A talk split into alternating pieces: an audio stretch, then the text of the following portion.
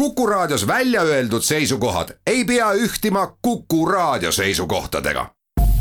Te kuulate Kuku Raadiot.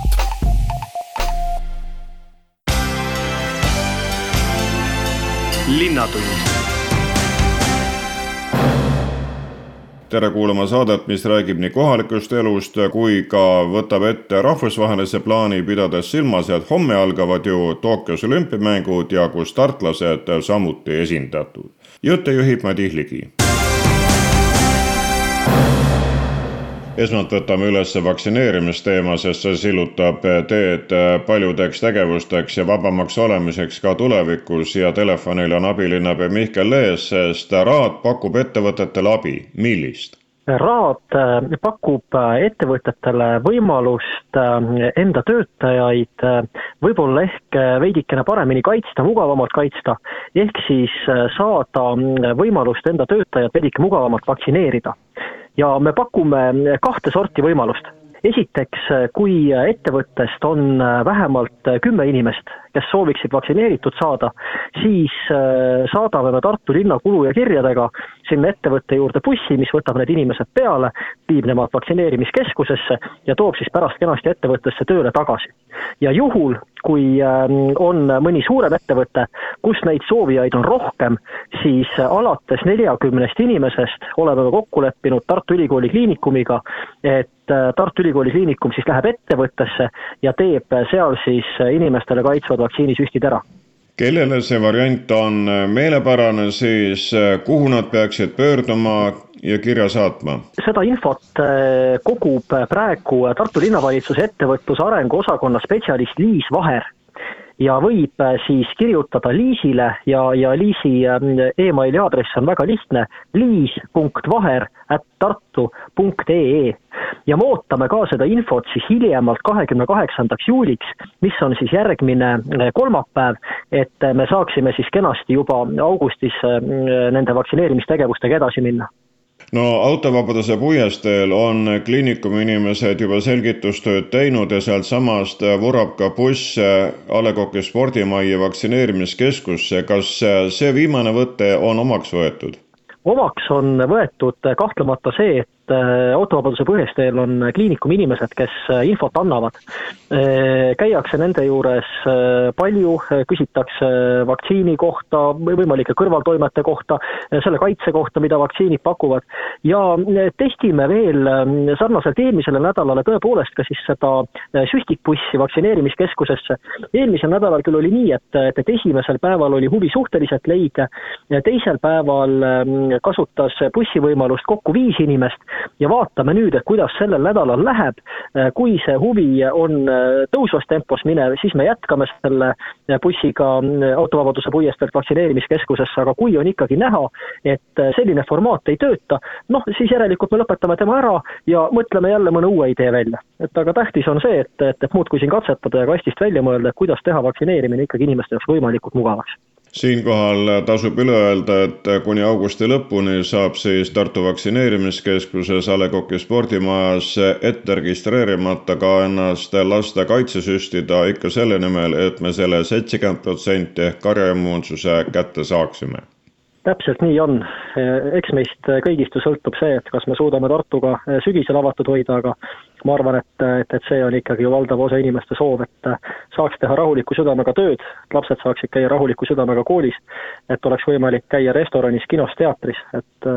pingutame selle nimel, pingutame selle, selle nimel terve suve. Seega tasub ettevõtluse arengu osakonnaga ühendust võtta. Nendel ettevõtetel, kollektiividel, kus on siis vähemalt kümme vaktsineerimissoovijat, et siis see sõit keskusse ära teha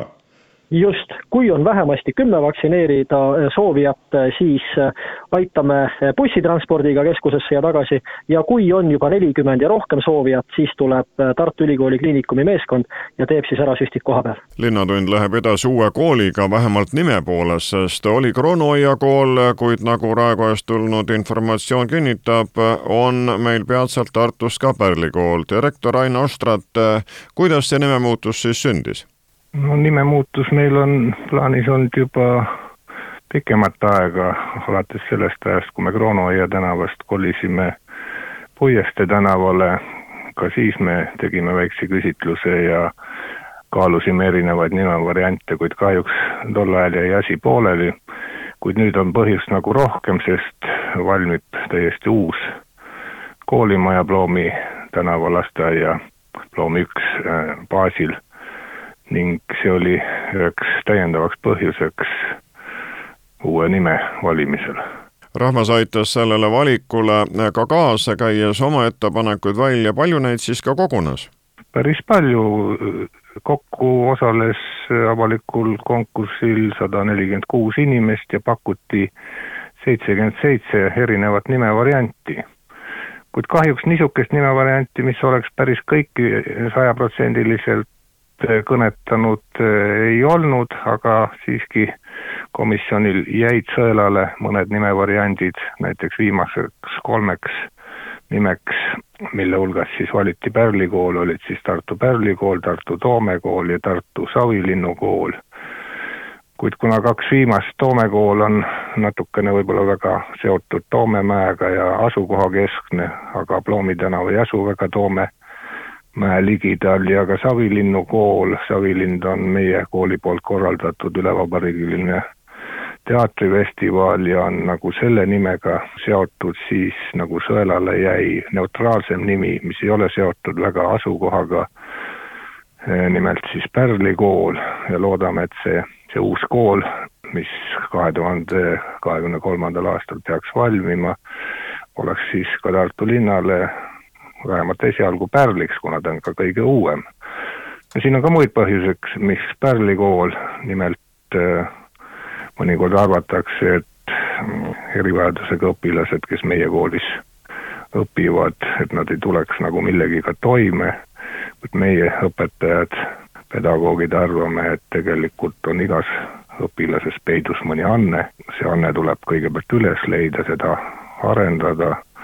nii et tegelikult on ka meie õpilased nagu pärlid, imetlusväärsed ja müstilised ja erilised ja säravad ja samuti meie pedagoogid nagu öeldud, Diplomi tänavale tuleb siis äh, selle Pärli kooli uus maja selle lasteaia baasil, mis on olnud vahepeatuseks ka näiteks Raatuse koolile, kui seal suur remont käis, nii et äh, teie asi on praegu siis äh, pärast puhkust jälgida hoolega, kuidas uus kodu kerkima hakkab? Jah, just see eelmine õppeaasta kujuneski selle tähe all, et tuli pidevalt osaleda projekteerimiskoosolekutel Ehm, projekt on põhimõtteliselt valmis ja, ja edasi jah, sügisel juba hakkab detailsem, detailsem planeerimine ja, ja loodame, et ka peatselt siis lüüakse piltlikult öeldes kopp maasse. kui suur see uus kool tuleb? No uus kool äh, põhikonstruktsioonid, see lasteaia osa lammutatakse ära, jäävad ainult välisseinad ja tuleb ka juurdeehitus eh, võimla näol ja samuti juurdeehitus toitlustuskompleksi ja aula ja ja röövistute näol, nii et ma peast ei oskagi öelda, palju ta ruutmeetrit teeb, aga aga kindlasti tuleb ta hulga suurem kui senine lasteaed. aga kui paljud erivajadustega lapsed siis seal hakkavad õpetust ja koolitust saama? noh, meie kooli kontseptsioon on see, et see erivajadustega laste kool ei tohiks väga suur olla, et tagada kvaliteetne õpe, nii et me oleme arvestanud äh, sama, umbes sama õpilaste arvuga, mis meil on praegult, umbes saja viiekümne erivajadustega õpilasega. Kui kõik läheb nii, nagu plaanitud ja loodetud, siis äh, kahe tuhande kahekümne kolmanda aasta sügisel olete juba uues majas Ploomi tänaval? jah, niisugune see on tõesti plaan ja loodame, et see plaan täitub, sest kõik me ootame, nii lapsed kui ka lapsevanemad. no nagu igal asjal on ka omad plussid ja miinused, nii ka uude kohta kolimise puhul, kindlasti võib-olla see asukoht ei ole esialgu vähemalt nii hea, nagu meil praegult on, kus bussipeatused on kohe praktiliselt koolimaja ukse ees, aga, aga, aga on ka palju plusse, õpikeskkond on kindlasti väga kaasaegne ja tuleb ka lisavõimalusi sinna alates füsioteraapia äh, kabinetist ja, ja teistest, teistest võimalustest. Kas teie koolis õpivad üksnes ülikoolilinnast pärit erivajadustega lapsed? valdav osa on küll, on jah Tartu, kuid õpib ka õpilasi Tartu maakonnast.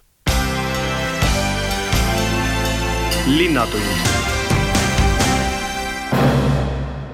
autovabaduse puiesteel tehakse ka kunsti, endaga on siin Oleg ametis, nii et kunstnikud ei ole suvel linnast ära läinud midagi, vaid on suisa keset linna kesklinna pargis ja näitavad, mida nad oskavad. no eks äh, jah, eks kunstnikud elavad ka äh, kuidagi linna, linna soodustuste arvel, et meil on kunstnike maja ja natukene saadakse linnalt ikka maja haldamiseks ja katuste jaoks natuke raha ka ja, ja ju siis kunstnikud peavad ka siis vahel tegema nagu jällegi öeldakse, tasuta tööd. aga noh, see oksjon, mis nüüd siis tulemas on, see on siis mõeldud ikkagi jah, aialaste kaitse või nende raha siis läheb nende aparaatide ostmiseks ja, ja nii edasi. aga jah, et siin on neli kunstnikku, Kairo kunstniku nimega siis mina, Regina Mardelta Soonsein ja Alar Tuul on viimasena, nii et igale ühele antud siin nädal aega väljas maalida, ilus boks on tehtud ja varjualune. nii et äh, siin on mul ka tulnud nii Prantsusmaalt lapsi, kes õpivad siin, isa on prants- äh,, prantsuse abikaasa on eestlane või just vastupidi on, et mees on eestlane, aga tütar käib tal siis siia kogu aeg. üheteistaastane käib siis iga suve eesti keelt harjutamas ja nii et päris huvitav, mina jälle harjutasin prantsuse keelt temaga, nii et siis oli meil siin päev otsa, siis nad natuke maalisid kaasa ka. Mitte küll minu pilti, aga nad oma pilte. sa oled maailmas palju ringi käinud, näinud, kas selline moodus nüüd rahvaga suhelda ja teha üks osa südalinnast autovabaks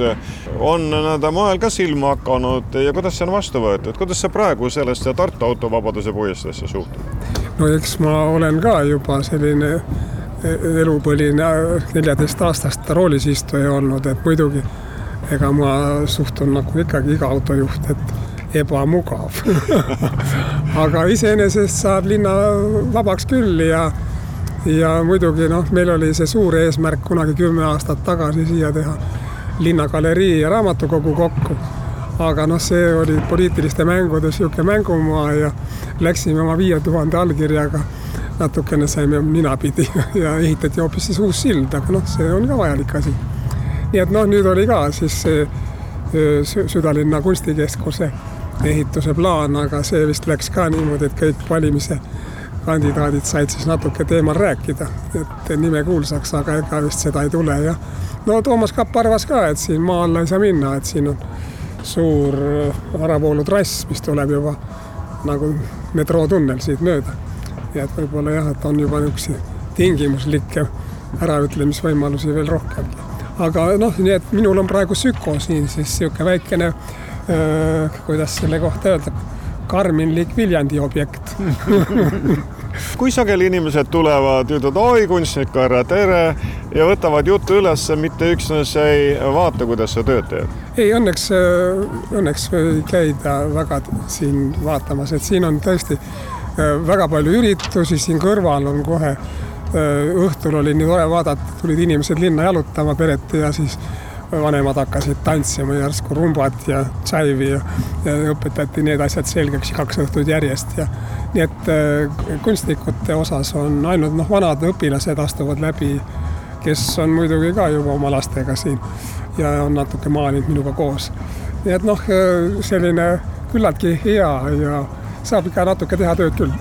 ei pea suhtlema. aga igal juhul see autovabaduse puiestee paneb mõtlema, paneb rahva liikuma ning ja, äh, on mõtlema. Äh, võimalus ka nendel inimestel, kes on suvel linnas, siis midagi nautida, kedagi nautida, olla seltskonnas, lüüa tantsu kasvõi üle tüki aja. täpselt, ei, siin on ka, mina käisingi näiteks praegu paberiworkshopil, siin on ka osa tudengeid, kes on ka Prantsusmaalt ja aitavad siis seda workshopi läbi viia ja õppisin jälle midagi juurde, et talvel õpilastele õpetada ise paberit valmistama ja paberimaalinguid teha. nii et äh, väga toredaid üritusi on siin hästi palju, sportimisest rääkimata ja no ma käisin just äh, seal, kus äh, noored harjutavad, seal olid enamasti vene poisid, kes eesti keelt väga ei tahtnud veel rääkida. kuid igal juhul nad omandavad oskusi, kukuvad, sõidavad rattaga, rulaga, kuid ka see on võimalus vähemalt. Ja, ja igal juhul on nad selle aja sees siin suhteliselt, ma vaatasin, et telefonis vähe. et neil on siin tegevust no kõige populaarsem on loomulikult äh, see pisikeste jaoks eriline meka, see bassein siin, et olenevalt ilmast on neid äh, väikesi kaasmaalasi siin hommikust peale, nii et valikut on kuni augusti alguseni. ja, ja tore on vaadata, võrkkiik mul kunagi oli Elva tänava äh, koduateljees ka võrkkiik ilusti ateljeesse riputatud, siin lapsed kiiguvad ja, ja väga mõnusaid nurgakesi on siin. millal siis järgmine näitus tuleb, kus oma tööd välja paned? Äh, oksjon tuleb siin nende tööde osas kaheksas august, aga äh, mu tööd, kus siis järgmine on, no tõenäoliselt on minu järgmine näitus, natukene suurem näitus, on ähm, plaanis novembris sünnipäeva ajal lastekunstikooli galeriis, meie Jakobi galerii nime all on ta nüüd. ja siis vahepeal ma loodan ka panna ühe näituse ülesse, kus me oleme kaks aastat nüüd maapaus olnud Meeksis, Meeksi veski juures on siis üks võimalus. no ma loodan, et see ka ikkagi õnnestub, et ma olen nüüd seal maalinud küünis. nii et võib-olla seal, aga noh, kindlalt ma ei oska siin väga lubada, et, et siin on ka, see tuli nagu vahele ja, ja nagu oma plaanid läksid natuke sassi. Linnatund linnatund läheb edasi olümpialainel ja läheb sellepärast, et esimest korda on olümpiamängudel esindatud ka Tartu ujumõne Gregor Tsirgi näol ja kes muu kui KajaÄljaste saab rääkida nii praegusest olümpiaujujast kui ka tulevastest, keda ta treenib. kas on meeles siis, milline oli Gregori esimene edu võistlustel? kui lapsepõlve silmas pidada, siis ta oli varakult lapsest peale üsna edukas et neljas koht tegi meile nii tusaseks, et et äh, see ei sobinud tema iseloomuga üldse mitte. aga neid tuli ikka ette. millise stiiliga ta alustas, ikka krooliga? ei, pigem oli ta multitalent, kui nii võib nimetada, et äh, kui kümneaastase Gregori isaga vestlus oli, siis isa küsis ka, et äh, mis see tema põhiala on, aga juba tol korral vastasime, et viiekümnest kuni tuhande viiesajani ja kõik ujumisviisid, et et äh, mitmekülgsus on tulevase edu alus, et sellel seisukohal olen ma praegugi, et edu aluseks on ilmselt ka see, et äh, meil on Aura veekeskus, äh, kus Gregor Tserk on saanud ka hoolega harjutada, nüüd juba sageli ka välismaal, kuid Aura andis olulise tõuke. jaa, ilma Aurata tõenäoliselt meil sellist olümpiameest ei oleks, sest kodukoht oli ikkagi Tartu ja, ja kuskil väikses kahekümne viie meetrises kooliujulas ei oleks äh, nii kaugele jõudnud, et üldse laia maailma saada. millised on siis treeneri ootused, äh, mida ta loodab Tokyost? Kõige suurem supertulemus oleks, kui igal alal suudaks isiklikult teha. kõige huvitavam minu jaoks kindlasti on sada meetrit liblikat, mida ta ei ole väga kaua ujunud või on seda ujunud nii teisejärgulise alana, et ka käesoleval aastal tal puudub see tulemus. samas äh, ujus ta juba kahe tuhande seitsmeteistkümnendal aastal äh, niisuguse olümpia B-normi tulemuse, mis on neli aastat tagasi, et Äh, see on ka siiani kehtiv tema isiklik, et arvestades, kui palju ta on äh, parandanud teiste alade tulemusi, siis olen täiesti kindel, et äh, ka seal sekundi võrra nihutada tulemust ei ole sugugi mitte võimatu. esimene tema start Tokyos on siis pühapäeval? jah, see on nelisada vabast. millal viimati kontakt oli, kuidas ta ennast tunneb? näost näkku käistasin juuli alguses Tartust läbi aga põhimõtteliselt on ta ootusärav. Või selles mõttes, et äh, võtab äh, võistlust naudinguga, et tähtsatel võistlustel ongi oluline, et mitte ennast mõelda väga pingelisse olukorda, vaid juba, ma ei mäleta, kes see treener oli, kes omal ajal ütles, et olümpiamängudel tuleb ennast mõelda aura lahtisele rajale, kui seal üks eelmine Eesti sportlane põrus, kes ei olnud nagu tähtsatel võistlustel väga oluliselt määral startinud, et tiitlivõistlus on võistlus nagu iga teine, aga tuleb oma tulemus ära teha. aga kuidas siis ka treener kaasa elab, on otsinud spetsiaalse kanali välja, kus näidatakse ujumist, et saab kohe nii-öelda online'is ülevaate ehk mil moel see olümpia koju kätte jõuab? eks nii teler kui arvuti mõlemad aitavad nii, jääme siis ootama, igal juhul ajalugu tehakse juba see, et Gregor Tsirk on meid siin ka sel aastal mitmete heade tulemustega rõõmustanud, annab lootust ning nagu öeldud, esimest korda on siis Tartu ujuja ka olümpiamängudel, kuid kuidas on nende järgmiste võimalike olümpia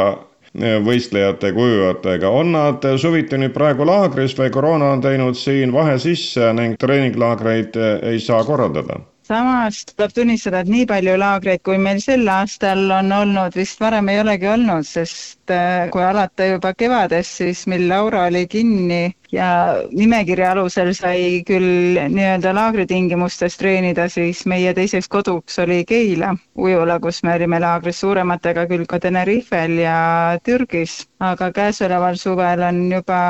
kaks laagrit selja taga ja kaks laagrit veel ees, et ikka treenime kas praeguste noorteharjutajate seas on mõni ka sedamasti neiuva noormees, kellest võiks sündida siis rekordsirgi tasemega ujuja? väga raske öelda, kümneaastaste, üheteistaastaste laste kohta ei oska veel sada protsenti öelda, kas nad on seda tasemel ujumiseks valmis. Gregor Sirgi tugevus eelkõige, ma arvan, et on vaimne tugevus ja pühendumine alale, et et äh, kehaliste eelduste poolest me võime võib-olla leida sarnaseid ujujaid ka, aga, aga tema vaimne pool on see, mis annab enamusele silmad ette. Ning kindlad võime olla ka selles, et Gregor edu ja jõudmine olümpiamängudele annab hoogu ka ujumisele siin meie linnas, sest ükskõik, mis teist ala vaatad, see on alati toonud kaasa harjutajate arvu kasvu. Ja sealt on juba võimalik loota ka uusi tippe no loodame, et Lõunakeskuse bassein saab varsti valmis või sinna Lõunakeskuse lähedale ehitatav bassein. veepinna puudus on Tartus suur, vaatamata Aura viiekümne meetrisele vannile. enne Gregor Tsirki astub äh, Tokyos võistlustulle juba homme sulgpallur Kristin Kuuba, vehkleja Julia Beljajeva ning edaspidi veel Rasmus Mägi ja Tiidrek Nurme nimetatud tartlaste kõrval on Tokyos ka treener Mart Siliksaar, nii et eh, nii sealolijate kui siienolijatega saame meie olümpiavõistlejatest ja nendega seotud lootustest rääkida järgmistes saadetes. linnatund tänase saate kaks viimast osutlust kutsuvad raadile nii sisse kui välja, sest eile avati Eesti Rahva Muuseumis oma näituse konkursi publiku lemmikuks hääletatud Kogupere kunstinäitus ja sellest kohe rääkima hakkamegi. idee kuulub Helena Reet Ennetile, kuidas mõte sündis? Mõte luua kogu pere kunstinäitus Meie kodune nõiaköök tuli tegelikult äh, isiklikust vajadusest, et kuna minu noorem tütar on erivajadustega laps, autist, siis otsustasin lihtsalt leida viise, et tema ellu särtsu ja värve tuua, et saaks midagi koos teha ja et ta tunneks ennast vajalikuna. et üldiselt äh, ei saanud käia sellistes tavaringides temaga ja siis me hakkasime noh, otsima viise, et kuidas koos midagi teha ise ja koduste võimalustega ja nii nii hakkasime vaikselt keraamikat tegema ja maalima ja, ja muinasjutte kirjutama, et kõik koduses tingimuses ja nii-öelda nõiaköögis. Kuid seda suurem rõõm on täna nüüd kõike seda ka teistega jagada, anda innustust nendele, kes on taoliste probleemidega pidanud tegelema nagu teie pere. Jah, see on kindlasti üks, üks asi, mida me näitusega sooviks edasi anda, et, et väga-väga palju on võimalik ise lihtsate vahenditega ja pisikestes ruumides teha ja palju, palju rõõmu toob see lastele ja ka vanematele ja, ja näiteks see ERMi äh, näitus on meie jaoks äh, nagu väga suur pärl, et, et ja tunnustus, et, et me väga täname kõiki, kes meie poolt hääletasid, et, et see annab indu veel rohkem teha ja näitab ehk ka teistele, et, et unistused saavad teoks, kui, kui püüda nende poole, et et ma mäletan, kuidas ma ütlesin Ivankale, et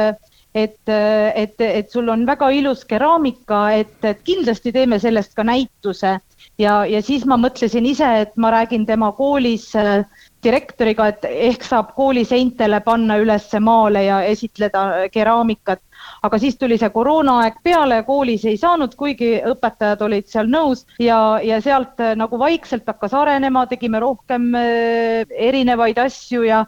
ja, ja kui tuli see võistlus, siis, siis tundus nagu õige hetk, et, et kandideerime ja, ja, ja nii ta läks. Ja tema ei ole mitte üksnes mõttealli kiigutaja, tagantlükkaja, vaid ka oma käsi on mängus, et see näitus äh, sündis ja meil on äh, kolm paari käsi seal mängus, et äh, mina ja mõlemad äh, tütred, et alguses ma hakkasin Ivankaga tegema kahekesti asju ja, ja, ja siis, kui vanem tütar vaatas pealt, kuidas me teeme, siis tekkis temalgi huvi ja, ja niimoodi on sündinud palju keraamikat ja akrüülmaale ja, ja kuni selleni välja, et me hakkasime tunneme huvi väga ravimtaimede vastu ja hakkasime ise kasvatama ja kuivatama ja korjama ja koguma ja, ja õppima neid ja sellest kasvas välja ka selline kodune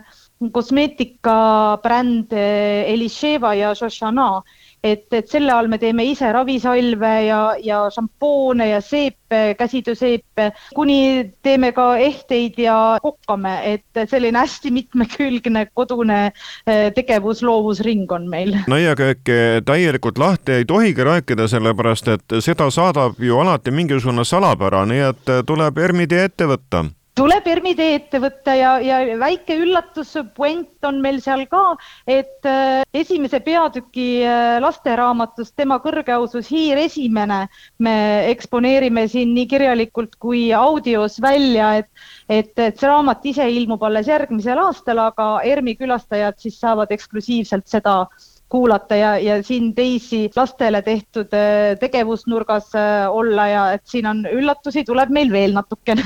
Et see on, ongi nagu kogu pere näitus, et nii täiskasvanutele kui siis ka pisematele midagi vaadata. Jätkan teemat juba Eesti Rahva Muuseumi näitustejuhi Kristjan Rabaga. tänavatud näitus on siis üks osa teie osalussaali programmist. Jah, tõepoolest, et, et keset suve siin me väga huvitava teema leidsime ja meie osalussaali konkurss tõi eelmisel aastal kõige-kõige populaarsema näitusena välja meie kodune nõiaköök, mis on ühe toreda perelugu, laste loomingulugu ja ja nüüd suurem rallimöll on möödas, nüüd on aega loodust nautida nõnda ka, et saame rahulikult äh, olla nii lähedalt näitusel kui ka, kui ka looduses käia, et see on väga palju ka loodusega seotud. kui kauaks see väljapanek vaadata jääb? See näitus jääb nüüd avatuks meil kolmanda oktoobrini, et äh, natuke nagu taimede ja, ja ravimtaimede teema ka, et siis meil just praegu ju kogume ja korjame, vaatame ja me tahame inimesi suunata ka Raadile jalutama, mõnulema. Siin kaunis pargis ja teemapargis, et, et noh, just see august ja september on ka see aeg, kus hakkavad juba saadused tulema ja, ja nõnda kas sel aastal tuleb mõni rahva poolt valitud näitus veel ERMis üles või nüüd tuleb oodata juba järgmise konkursi tulemusi? järgmise konkursiga osas me, me veel nüüd selle kuu jooksul veel natuke võib ju saata häid ideid, aga me ühe väga põneva näituse avame veel osalussaalis, mille pealkiri on Kaasav elu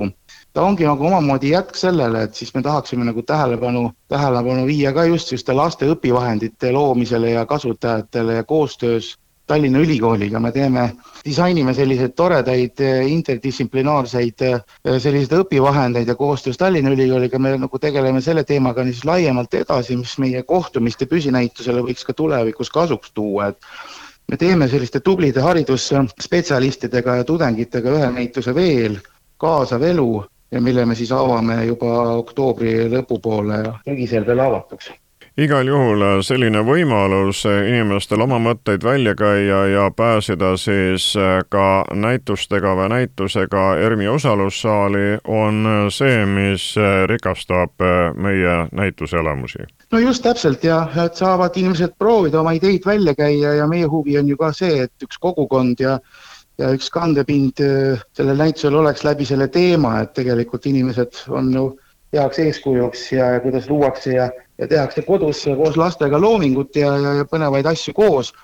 Ja noh, natuke haakub ka sellega, et selline muinasjutuline moment, aktsent on ju jälle juures, et et seesama perekond toredasti on loonud ja toob ka tekste ja illustratsioone muinasjuturaamatule ja, ja peatselt ilmuv tema kõrgeausus Hiir muinasjuturaamat äh, on ka tulemas, et siis me jutustame siin omamoodi ka muinasjutte ja no lisaks sellele, et Elas kord muinasjutu näitus on ju veel avatud, ka robotite muinasjutud on siin veel alles, nii et põnevust on just peredele ja mida me nüüd märkame, et tõesti, pered on liikvel ja, ja perede puhkus on Eestis praegu hästi kena ja tore, tore, mida saame endale lubada. kallid kuulajad, lõpetuseks olgu korratud, et tänased intervjuud käisid Tartu vaktsineerimisabi kohta, selgitusi andis abilinnapea Mihkel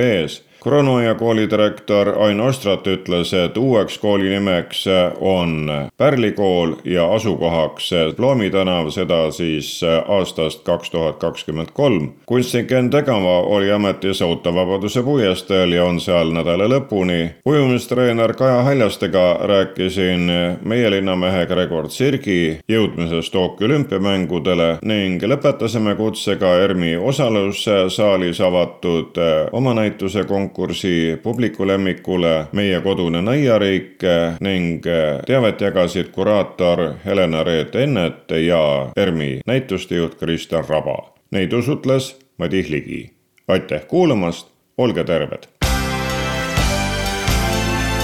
linnatund